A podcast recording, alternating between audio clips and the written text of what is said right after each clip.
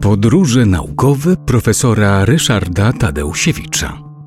Pierwsze loty w kosmos odbywały się na tej zasadzie, że rakiety, które były używane do wyrzucania pojazdów kosmicznych poza atmosferę na orbitę, y, były jednorazowego użytku. To znaczy taka rakieta po wykorzystaniu spadała, spalała się w atmosferze czy spadała do oceanu i y, generalnie rzecz biorąc, no, były to niesłychanie kosztowne loty, no bo to było tak, jak gdyby ktoś, kto pojechał taksówką na jakąś tam wycieczkę, potem musiał skasować tą taksówkę, a potem musiał sobie zbudować kolejną następną. Y, Amerykanie dostrzegli y, nonsensowność tej sytuacji i w 1981 roku y, rozpoczęli program budowy pojazdów kosmicznych wielokrotnego użytku, czyli tych właśnie tak zwanych promów kosmicznych. Prom kosmiczny to był system, to była maszyna, która była złożona z kabiny dla, dla pilotów i dla, dla ładunku, który miał być wyniesiony na orbitę. Był w niej też olbrzymi silnik, który napędzał i wyrzucał w kosmos właśnie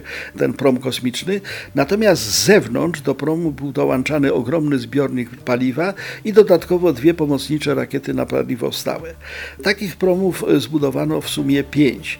E, pierwszy to był prom Columbia, który e, pierwszy lot odbył 12 kwietnia 1981 roku. Następny został zbudowany Challenger 4 kwietnia 1983 roku. Kolejny prom Discovery wystartował 30 sierpnia 1984 roku, Atlantis 3 października 1985 i Endeavour 7 maja 1992 roku.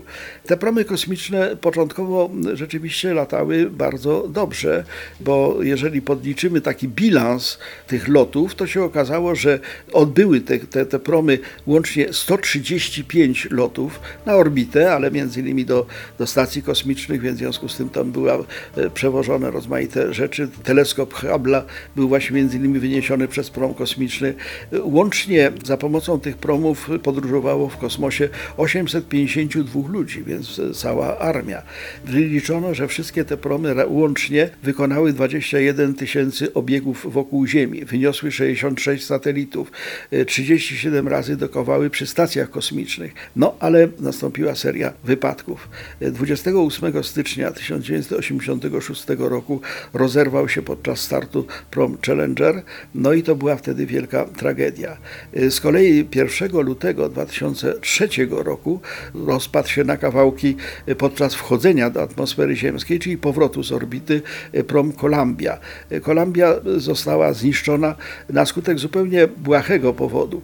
Mianowicie promy kosmiczne, żeby wytrzymać hamowanie w atmosferze ziemskiej, kiedy temperatura zewnętrzna dochodzi do 3000 stopni, były okładane takimi płytkami ceramicznymi, które były po prostu przyklejone. W momencie startu Kolumbii, właśnie tego 1 lutego 2003 roku, oderwał się kawałeczek pianki osłonowej. Na zbiorniku była pianka, która po prostu chroniła zawartość, tam był płynny wodór. No więc w związku z tym oderwał się kawałeczek pianki, uderzył w taką płytkę i złamał tą płytkę. No i to wystarczyło. W momencie wejścia w atmosferę ta złamana płytka spowodowała, że prom rozgrzał się, rozerwał się, zginął. Wobec tego ostateczny koniec programu kosmicznego opartego na promach kosmicznych miał miejsce 8 lipca 2011 roku.